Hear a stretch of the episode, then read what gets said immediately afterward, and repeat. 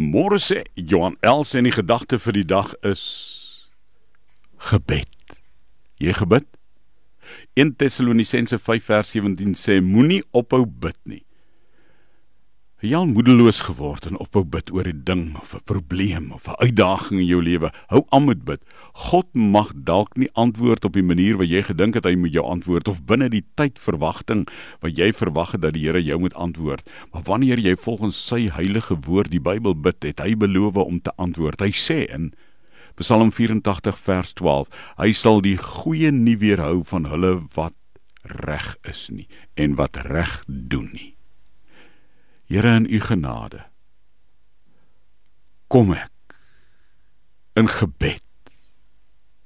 Vergewe my dat ek moedeloos geword het omdat u nie antwoord soos wat ek wil hê nie. Help my om aan te hou bid. Here laat ek laat ek regtig kom en myself kom uitgiet in gebed.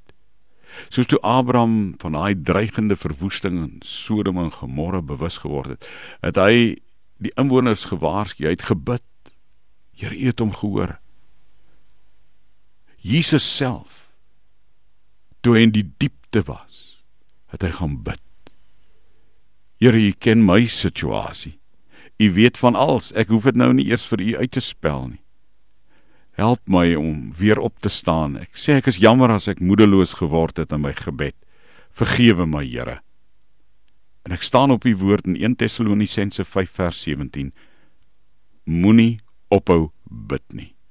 En daarom vat ek u woord. Hou aan bid. Hart, verstand, hou aan met bid.